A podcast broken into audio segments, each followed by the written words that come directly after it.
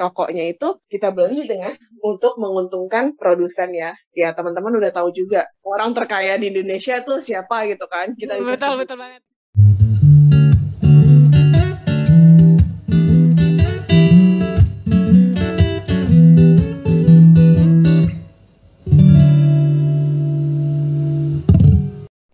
Relatif Perspektif Podcast adalah podcast yang bertujuan menjadi jembatan agar masyarakat luas paham akan isu kesehatan.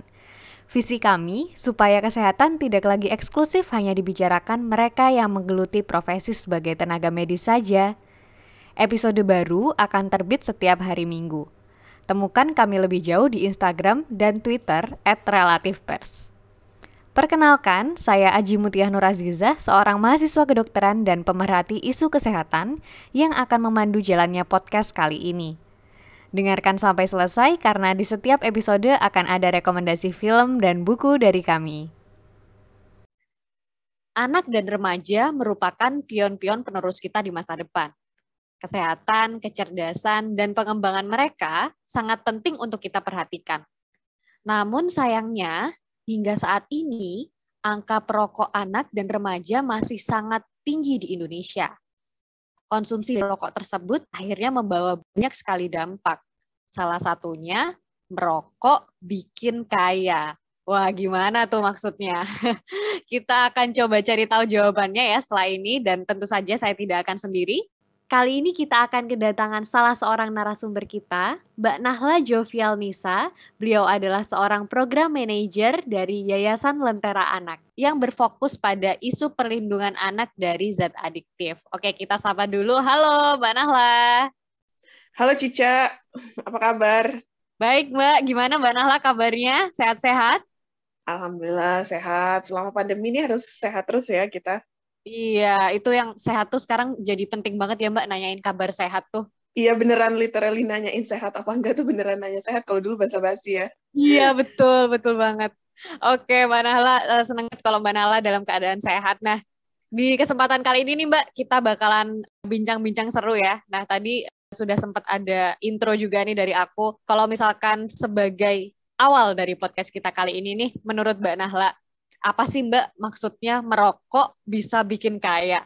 Iya, sebenarnya sih merokok bisa bikin kaya itu dalam perspektifnya yang bikin kaya bukan kitanya ya, tapi orang okay. lain.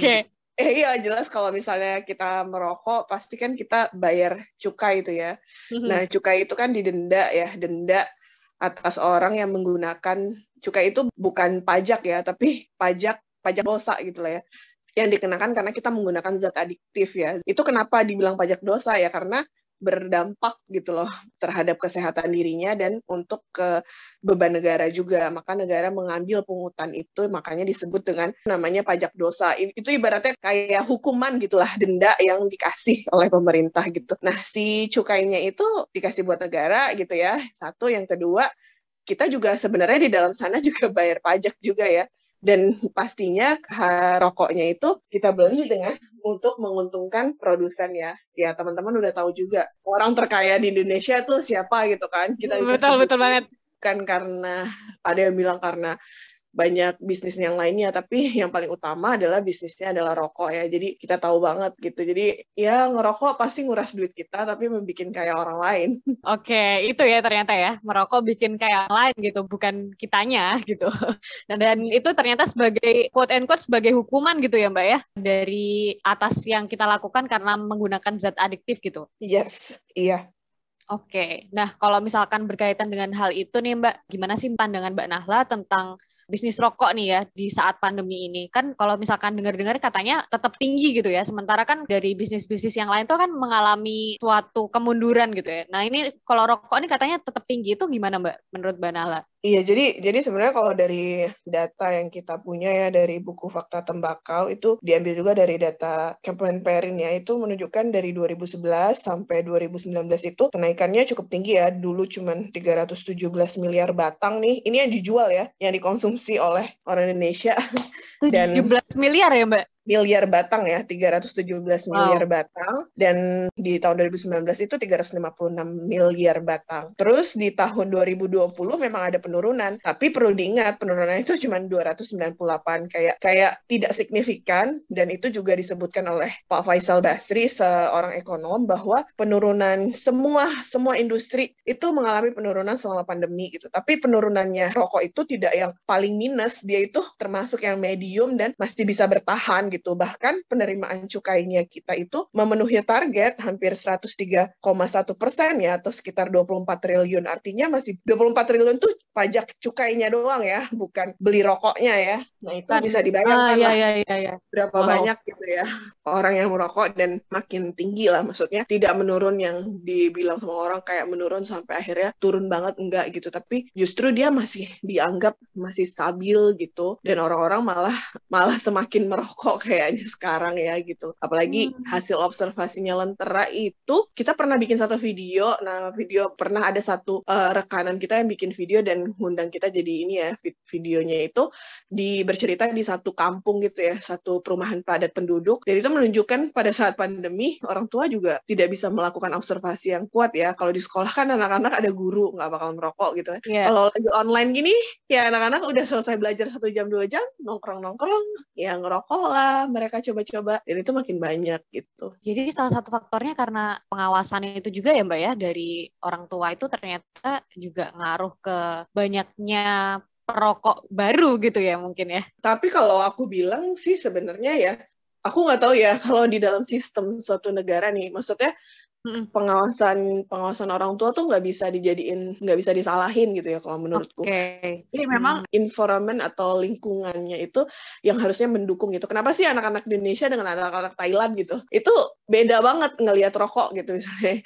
Anak Indonesia nganggap rokok ya biasa aja. Kalau anak Thailand nganggap rokok apa sih itu gitu loh. Terus itu berbahaya dan bukan buat anak gitu ya. Terus kayak itu nggak terjangkau, mahal nggak bakal ada yang ngasih beli. Nah kalau anak Indonesia kan malah kadang nggak ngerokok malah kayak dicemen-cemenin gitu ya. Jadi mm-hmm. malah disuruh-suruh merokok jadi lingkungannya lingkungan dalam artian regulasinya sistem yang dibentuk itu tidak membuat rokok itu menjadi sesuatu yang barang yang denormalisasi ya tapi dianggap kayak normal normal normal aja gitu. Itu sih menurutku. Ya karena kebijakan kita yang sangat lemah juga. Jadi lingkungan kita yang menormalkan perilaku tersebut akhirnya juga membawa dampak terhadap munculnya angka perokok ini ya Mbak Nahlaya. Iya, karena regulasinya juga sangat-sangat lemah sekali ya. Oke, nah sekarang yang menjadi pertanyaan juga nih Mbak, kenapa sih Mbak kok misalkan remaja atau mungkin bahkan anak juga ya, itu menjadi target utama konsumen rokok di Indonesia tuh Mbak?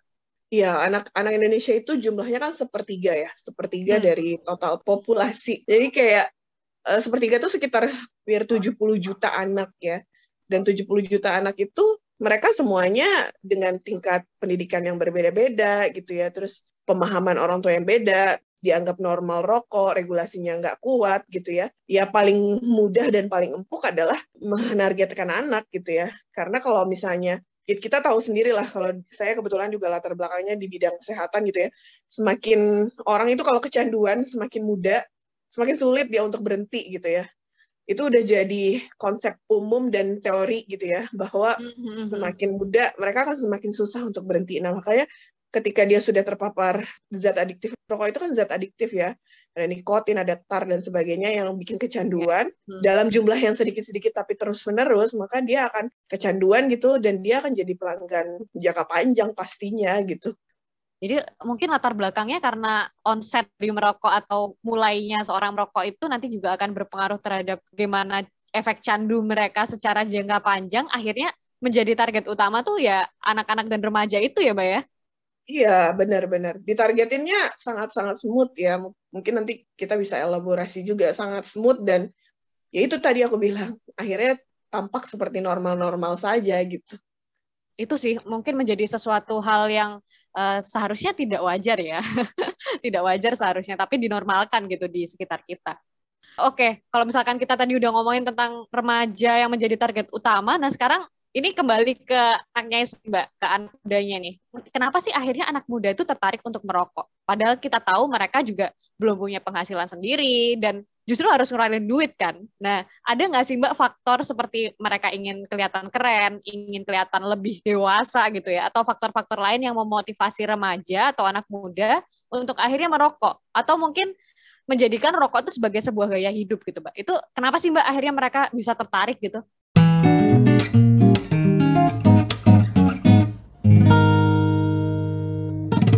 Banget ya dalam setiap hal yang mencandu anak gitu ya nggak cuma soal rokok itu ada dua hal ada faktor internal dan faktor eksternal ya. Di faktor internal tentu saja anak muda gitu anak-anak itu pasti punya rasa penasaran galau labil terus mencari jati diri itu udah pasti ya. Itu yang faktor internal. Yang kedua eh, pengawasan eh faktor internal juga dari pengawasan orang tua, lingkungan keluarganya gitu ya. Nah, faktor eksternal yang paling penting itu adalah bagaimana si produk ini yang bikin kecanduan ini diregulasi ya. Nah, di dalam hal ini rokok itu zat adiktif rokok itu uh, diregulasinya ada beberapa hal yang mempengaruhi. Pertama adalah akses ya. Akses kemudahan dia untuk membeli gitu ya. Yang kedua, dan untuk membeli jelas ya di Indonesia kamu bisa beli rokok di toko ketengan, pokoknya di mana aja kamu bisa beli hmm. gitu. Bahkan, Bahkan di warung bisa ya. Hmm. Iya gitu ya. Terus yang kedua adalah harganya gitu ya kalau bisa beli gitu, tapi kalau harganya mahal pasti nggak akan terjangkau sama anak. Tapi harganya itu masih masuk uang jajan anak kayak satu batang tuh masih ada yang 1.500 gitu. Anak anak-anak mana ada sih kayak sekarang jajannya 1.500 gitu kan itu. Terus yang iya, iya, ketiga, uh, uh, yang ketiga yang paling penting banget adalah iklan promosi. Jadi semuanya itu penting ya iklan promosi sponsor rokok gitu ya. Kenapa itu penting? Karena kenapa sih kita anak-anak kita tidak terlalu terpapar dengan alkohol karena tidak boleh diiklankan gitu ya. Dan hmm, iya sih tidak ya. boleh diiklankan. Terus cuman rokok dan anehnya tuh di Indonesia itu masih membolehkan iklan rokok. Bahkan kalau kita lihat perhatikan ke sekitar sekolah aja gitu ya itu semakin dekat dengan sekolah. Coba kalau Cica jalan gitu ke mana Cica hmm. tanya kenapa ada iklan rokok di sini? Kenapa nggak ada iklan rokok di sana itu ada tujuannya. Pasti antara menuju ke sekolah atau jalan besar tempat-tempat yang strategis gitu. Karena itu dilihat, dilihat sama anak terus anak menganggap bahwa oh kayak kita ini aja. Kamu kalau dengar teh lo lihat kamu pasti akan ngomong satu satu produk gitu kan. Iya iya iya. Atau misalnya kamu minum gitu pasti kamu ngomong satu produk. Karena itu terus menerus ada di dalam terpapar gitu. Sama kayak anak saya aja kayak dia bilang kuliah apa sekolah online-nya itu nyebut satu merek gitu karena dia ik denger iklan itu terus gitu nah sama hmm. anak-anak hmm. itu nganggep bahwa kalau gue mau cool gue mau keren gue mau kelihatan kaya gue mau kelihatan apa itu pasti rokok mereka pelariannya kalau gue stres karena ada kayak hmm. tulisannya go ahead gitu ya terus Aha. apa lagi gitu-gitu lah ya oke ya, ya, ya, ya. menjawab banget gitu loh nggak ada yang kayak iklan rokok tuh untuk anak orang tua nggak ada. Maksudnya iklan rokok tuh untuk anak-anak muda gitu ya. Emang nah, ditujukan sesuatu yang keren gitu ya mbak ya? Ya jadi kita langsung terasosiasi kalau sesuatu yang keren kamu lagi galau terus pengen keren ya rokok lah gitu. Oke jadi itu kayak udah masuk deep conscious kita juga gitu ya.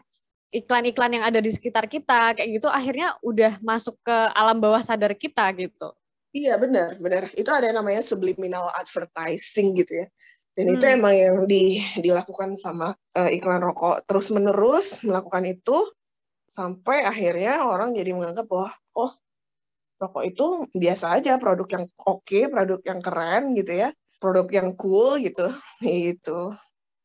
Nah, uh, menarik nih Mbak kalau misalkan kita ngomongin tentang itu ya. Jadi uh, ternyata memang efek dari internal maupun eksternal itu juga sangat berpengaruh gitu terhadap perilaku anak muda untuk merokok. Nah, kalau misalkan kita lihat dari jenis rokoknya sendiri nih, Mbak, ada beda nggak sih, Mbak, antara angka perokok elektrik maupun non-elektrik? Kan sekarang juga ada ya rokok yang elektrik kayak gitu. Nah, itu kedua hal ini memiliki daya tarik yang berbeda pada remaja atau sebenarnya sama aja sih, Mbak?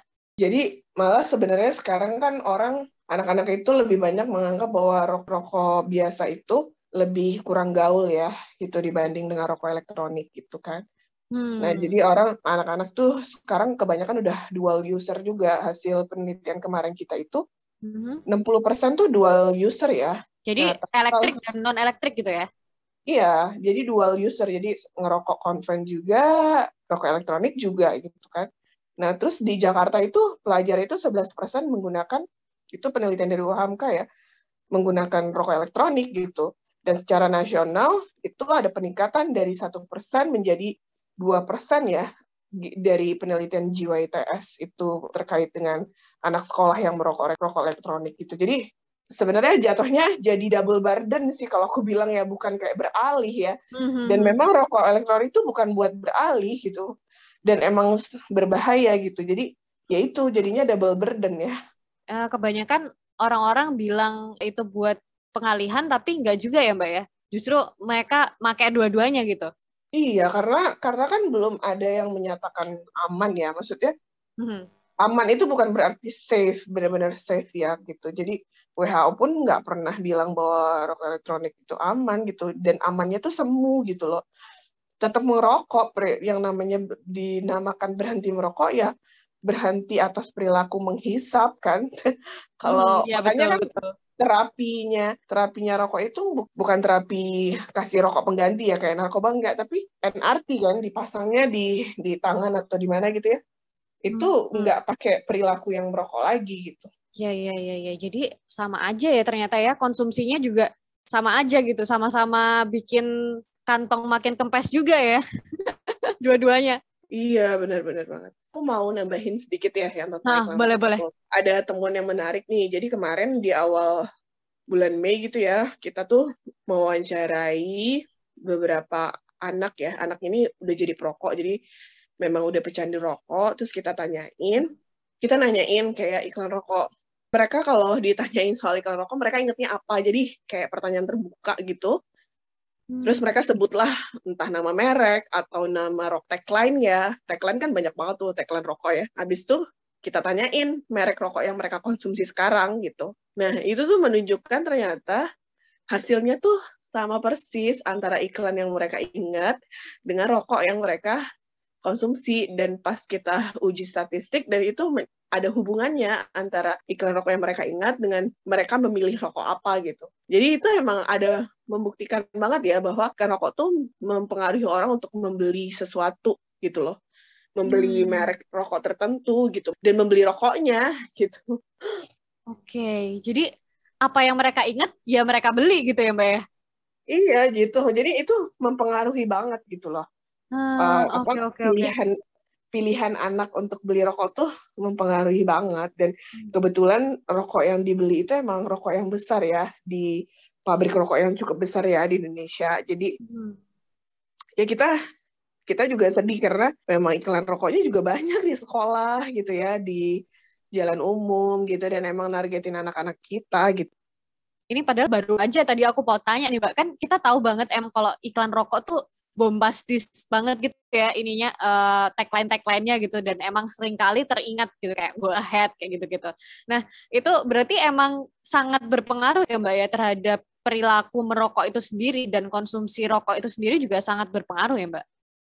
Iya, ternyata itu berpengaruh ya. Uh, apa namanya iklan rokok dengan preferensi anak memilih rokok tertentu ya. Jadi makanya lebih baik mereka nggak tahu nggak sih kalau aku bilang ya maksudnya mm-hmm. kalau nggak diiklankan mereka kan jadi nggak tahu gitu loh karena diiklankan akhirnya mereka tahu oh merek yang ini tuh oke okay loh gitu oh iklan ini tuh oke okay. jadi nyobain merek ini gitu ya ya kita kita ngelihatnya kayak gitu anak-anak ini ada hubungannya antara iklan yang mereka ingat dengan preferensi mereka memilih rokok ya kalau dipikir-pikir berarti emang marketingnya mereka itu memang sangat dipusatkan untuk membuat apa ya istilahnya membuat orang-orang itu benar-benar terpatri gitu dengan uh, produk mereka sehingga akhirnya itu semakin memperkaya si industri rokok gitu nggak sih mbak?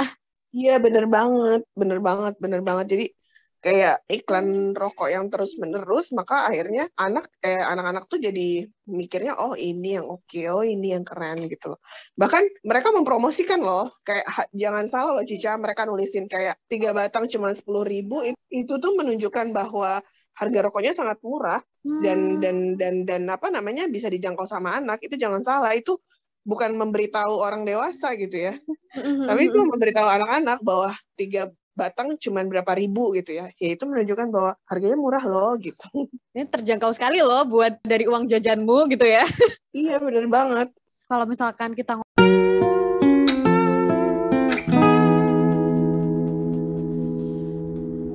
kalau misalkan kita ngomongin tentang iklan, terus juga promosinya juga kayak gitu ya Mbak ya. Kan kita tahu juga bahwa ternyata sekarang ini kan bungkus rokok tuh udah ada peringatan yang serem-serem gitu ya Mbak ya. Udah ada kayak gambar yang serem-serem gitu kan di bungkusnya itu sendiri. Nah itu sebenarnya efektif nggak sih Mbak konsumsi rokok itu sendiri? Jadi peringatan kesehatan bergambar yang serem-serem itu emang sebagai edukasi ya, edukasi hmm. kepada anak-anak dan juga orang yang mau mulai merokok bahwa itu bisa menyebabkan penyakit loh. Jadi kalau misalnya kalau misalnya dianggap itu nggak ada hubungannya, anak-anak emang anak-anak tetap aja beli. Ya memang karena dalam dalam isu rokok itu nggak bisa cuma satu solusi aja gitu. Karena memang hmm. solusinya tuh harus banyak macam gitu Cica. Solusinya tuh harus paket komplit. Kalau misalnya dia harganya mahal tapi PHW-nya nggak ada orang juga nggak bisa terinformasi gitu.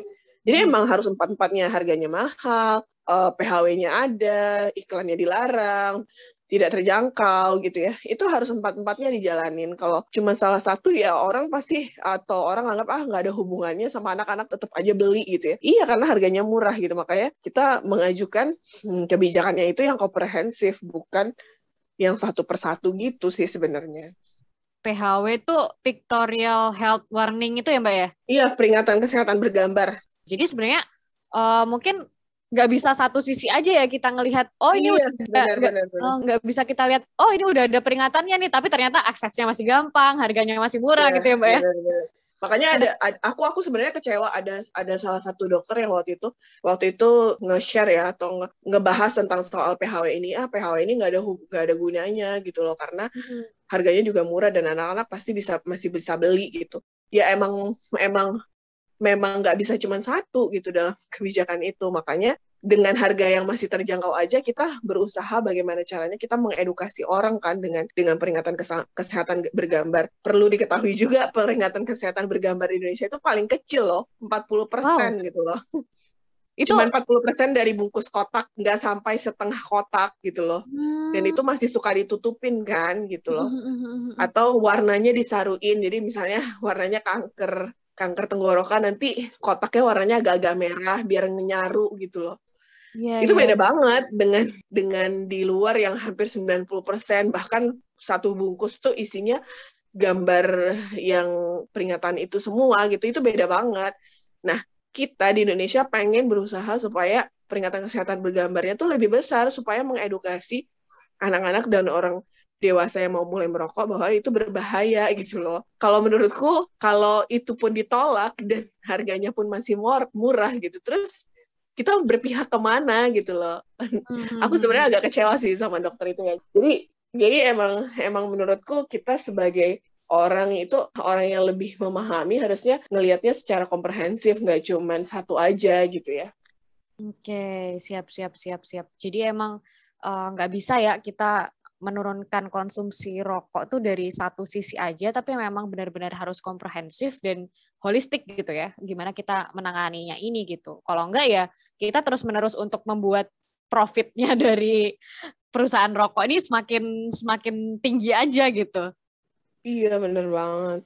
Hmm, oke oke. Nah kalau kita lihat dari sini ya sebenarnya kan dari yang dijelasin Mbak Nahla tadi anak muda tuh masih banyak juga yang merokok, yang mana itu menghabiskan biaya yang nggak sedikit juga kan ya Mbak ya setiap harinya. Kalau kita kembali ke premis awal ya merokok bisa bikin kaya. Nah ternyata bikin kaya industri rokoknya itu ya Mbak ya. Nah kalau dari Mbak Nahla mungkin sekarang ada pesan nggak sih Mbak yang mungkin ingin disampaikan terlebih dahulu gitu untuk para pendengar relatif perspektif mengenai pembahasan kita tadi gitu Mbak pikiran aja ya mudah-mudahan kita bisa sharing pikiran juga kondisi kita tuh di Indonesia tuh katanya bakal di satu titik di 2045 akan jadi usia produktif yang paling banyak gitu. Tapi kita mm -hmm. perlu ingat ya usia produktifnya itu bakal beneran produktif atau enggak gitu. Jangan sampai dengan rokok yang cuman kecil itu akhirnya produktivitas itu menurun ya. Itu kayak udah lingkaran setan gitu.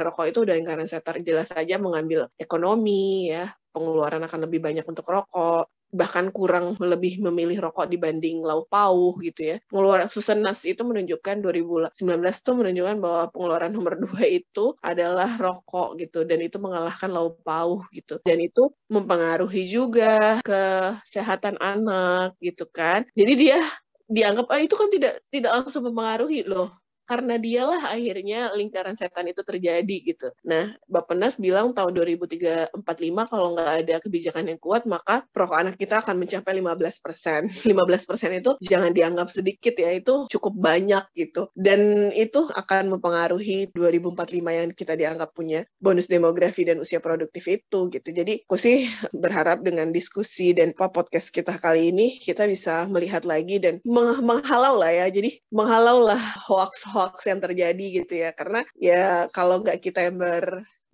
bersuara gitu siapa lagi gitu. Kadang aku suka suka sedih dengan ada hoax-hoax di sosial media yang menyebutkan bahwa rokok itu berjasa, terus kayak nggak ada gunanya uh, kebijakan yang kuat itu tuh sebenarnya ilusi yang dikasih sama industri rokok ke kita gitu loh supaya kita terus menormalkan produk ini dan dengan dalih gitu melindungi petani dan sebagainya gitu yang padahal kita tahu bahwa impor tembakau kita tuh paling banyak gitu loh artinya kita itu tidak melindungi siapa-siapa selain melindungi industri rokok hmm. gitu ya. Impornya tetap paling banyak ya. Impornya paling banyak gitu. Hmm. Hampir berapa ya? Ada datanya dari Kementerian Industri gitu dan itu sangat banyak banget. Menjadi catatan untuk kita semua ya, untuk kita semua bersuara gitu dan bergerak gitu ya. Kalau boleh saya wrap up berdasarkan berbagai obrolan tadi, mungkin ini menjadi pertanyaan gitu ya. Masihkah teman-teman di luar sana memilih untuk merokok? Terus memilih untuk diam-diam aja terhadap anak muda yang merokok di sekitar kita? Dan benarkah premis rokok bisa bikin kaya? ya silakan teman-teman renungkan dan nilai sendiri dari pembahasan kita tadi nih ya. Apakah teman-teman ini akan diam-diam saja atau bergerak untuk mengingatkan orang-orang di sekitar kita untuk mulai menjauhi rokok. Kita akhirnya ada di sesi akhir diskusi kita nih Mbak dan di setiap episode kita selalu meminta rekomendasi film dan juga buku untuk teman-teman pendengar. Mungkin boleh nanya ke Mbak Nahla nih rekomendasi film atau buku yang Mbak Nahla suka atau mungkin bagus untuk direkomendasikan ke teman-teman boleh nih Mbak? Ada film judulnya itu Ray tapi ada episode tentang one moment apa gitu ya, one one minute one minute apa. Itu pokoknya tentang orang yang dia pinter banget gitu tapi ternyata dia membodohi dan menjahati orang lain gitu. Sampai orang lain tuh awalnya nggak sadar gitu. Jadi kita juga hati-hati sama orang yang kayak gitu termasuk industri rokok yang emang sangat pintar juga ya mengelabui kita gitu. Kalau untuk buku ya, aku tuh sebenarnya jarang baca buku, tapi buku yang selalu jadi legend lah pasti ya Seven Hobbit itu ya, itu itu bukunya keren banget gitu sih. Tadi yang film itu seakan-akan mengingatkan kita terhadap industri rokok gitu ya mbak ya? Iya bener banget. Judulnya apa tadi mbak? Ray, Ray ya, tapi ada episode judulnya One Minute apa gitu ya Oke, siap. Nanti akan kita catat. Apa masalah. Ya, ya, ya, ya, boleh, siap. Terus uh, untuk rekomendasi bukunya Seven Habits of Highly Effective People itu Mbak? Iya itu. Okay. Jadi itu yang buku yang paling menurutku paling enak dan bisa bisa dibaca berulang-ulang ya. Oke, siap akan kita catat. Jadi tadi ada rekomendasi filmnya, film Ray dan salah satu episodenya di tentang orang yang mengelabui itu tadi dan juga bukunya ada Seven Habits of Highly Effective People. Oke, Mbak Nahla, akhirnya sayang sekali nih kita sudah berada di sesi akhir diskusi kita. Senang banget rasanya bisa ngobrol dan belajar banyak banget nih dari Mbak Nahla hari ini. Terima kasih ya Mbak Nahla yang udah meluangkan waktunya untuk berbagi bersama kami. Sama-sama Mbak Cica dan tim relatif. Sukses semuanya ya, sehat-sehat. Semoga segala pembahasan kita tadi bisa bermanfaat dan Mbak Nahla bisa selalu diberikan kesehatan. Stay safe ya Mbak ya. Once again, thank you dan sampai jumpa lagi.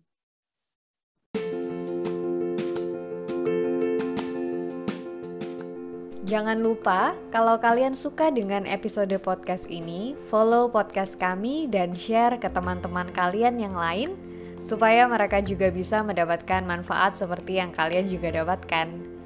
Jangan lupa juga untuk follow Twitter dan Instagram kami di @relativepers.